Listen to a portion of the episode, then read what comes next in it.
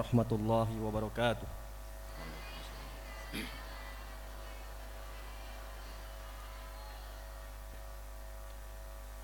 Sejarah singkat Pondok Pesantren Darul Kolam Gintung Jayanti Tangerang. Pondok pesantren Darul Kolam tidak berdiri langsung dengan beragam fasilitas seperti yang kita saksikan pada hari ini. Darul Kolam tumbuh dan berkembang seiring dengan perjuangan yang tak kenal lelah. Perjuangan yang didasari dengan niat ibadah untuk turut mencerdaskan kehidupan manusia agar cerdas intelektual, emosional dan spiritualnya. Sejarah Darul Kolam dimulai setelah kemerdekaan Republik Indonesia. Dipelopori oleh seorang tokoh masyarakat Kampung Gintung bernama Haji Kosod Mansur yang mendirikan lembaga pendidikan dasar bernama Madrasah Ibtidaiyah Masyarikul Anwar. Dalam perjalanan selanjutnya beliau ingin agar alumni madrasah tersebut dapat melanjutkan pendidikan ke tingkat yang lebih tinggi lagi. Untuk mewujudkan keinginannya, Haji Kosad Mansur berniat untuk mendidik anak pertamanya, Ahmad Rifai Arif di lembaga pendidikan pesantren. Tempat yang dipilihnya adalah Pondok Modern Darussalam Gontor, Jawa Timur. Akan tetapi Keinginan tersebut kurang mendapat dukungan dari keluarga karena jarak pesantren Gontor yang cukup jauh dari Gintung. Namun dengan niat yang kuat dan pertimbangan yang matang, beliau tetap istiqomah dengan niatnya. Karena itulah pada tahun 1958 bersama sang ayah Ahmad Rifai Arif berangkat ke Pondok Modern Darussalam Gontor untuk menimba ilmu dan pengalaman agar kelak ia bisa mewujudkan keinginan ayahnya membuka lembaga pendidikan yang lebih tinggi dari yang telah didirikan oleh ayahnya. Fase kedua dari sejarah dari kolam adalah Kifrah Ahmad Rifai Arif yang lahir di Gintung 30 Desember 1942 Masehi 21 Julhijjah 1361 Hijriah. Beliau adalah anak pertama dari 12 bersaudara. Sejak kecil sudah tampak ketekunannya belajar. Di Gontor, Ahmad Rifai Arif dikenal sebagai murid yang cerdas dan pandai berpidato pernah menjadi Ketua Umum Pelajar Islam Indonesia cabang Pondok Modern Gontor pada tahun 1963-1964. Sampai beliau menamatkan pendidikannya pada tahun 1964. Karena keilmuan dan keloyalitasnya, beliau diminta mengajar di alma maternya sekaligus menjadi sekretaris pribadi gurunya, Kiai Haji Imam Jarkasi selama 22 tahun. Setelah itu sang ayah memanggilnya untuk pulang ke kampung halaman bermula dari sebuah dapur tua dan satu hektar tanah darat pemberian neneknya Haji Pengki kepada Haji Kosad Mansur.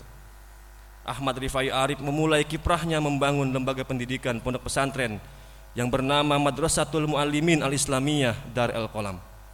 Kala itu santrinya berjumlah 22 orang yang tak lain adalah adik-adik dan saudara-saudaranya juga beberapa warga sekitar desa Pasir Gintung.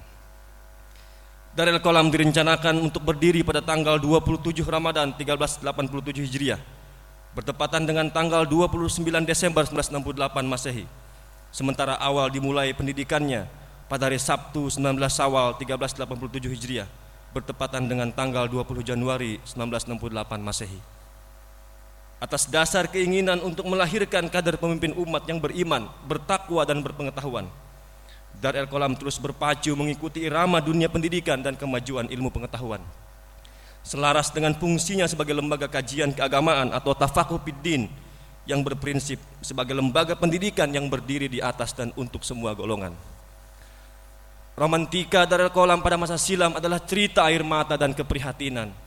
Perjuangan yang penuh dengan keterbatasan. Tidak ada ruang belajar yang berdinding tembok atau lantai yang berlapis keramik yang ada hanyalah kelas yang dilapisi bambu atau papan dan berlantai tanah. Bahkan generasi pertama dari kolam harus belajar di sebuah tempat bekas kandang kerbau. Walaupun demikian, keterbatasan dalam berbagai hal tersebut tidak menyurutkan niat untuk menggali ilmu pengetahuan. Niat dan kemauan yang kuat menjadi modal untuk terus merayap penuh keyakinan disertai ketekunan dan kesabaran. Sebagai lokomotif, Ahmad Rifai Arif terus berjuang menghadang tantangan menghalau segala cobaan yang datang. Tidak sedikit tekanan ia dapatkan maupun beban perasaan yang ia rasakan. Namun bendera telah ia tancapkan, layar telah ia kembangkan, pantang baginya untuk mundur surut ke belakang. Beragam peristiwa dengan selaksa keprihatinan telah ia rasakan. Berbandingkan peluh dan tetesan air mata, bermodal keyakinan akan kekuasaan Tuhan, ia terus berjalan menatap masa depan. Perkembangan Darul Kolam mulai tampak pada tahun 1982 ketika Darul Kolam mendapat bantuan dana sebesar 64 juta rupiah dari kerajaan Saudi Arabia atas bantuan Kiai Haji Muhammad Nasir, seorang tokoh Islam yang sangat karismatik. Bantuan tersebut digunakan untuk membangun asrama putra yang kemudian diberi nama Gedung Saudi dan memberi tanah untuk memperluas pesantren. Kepedulian Ahmad Rifai Arif terhadap dunia pendidikan tidak hanya terbatas pada pondok pesantren Darul Kolam saja. Pada tahun 1989 beliau mendirikan pondok pesantren Latansa yang proses pendidikannya dimulai pada tahun 1991.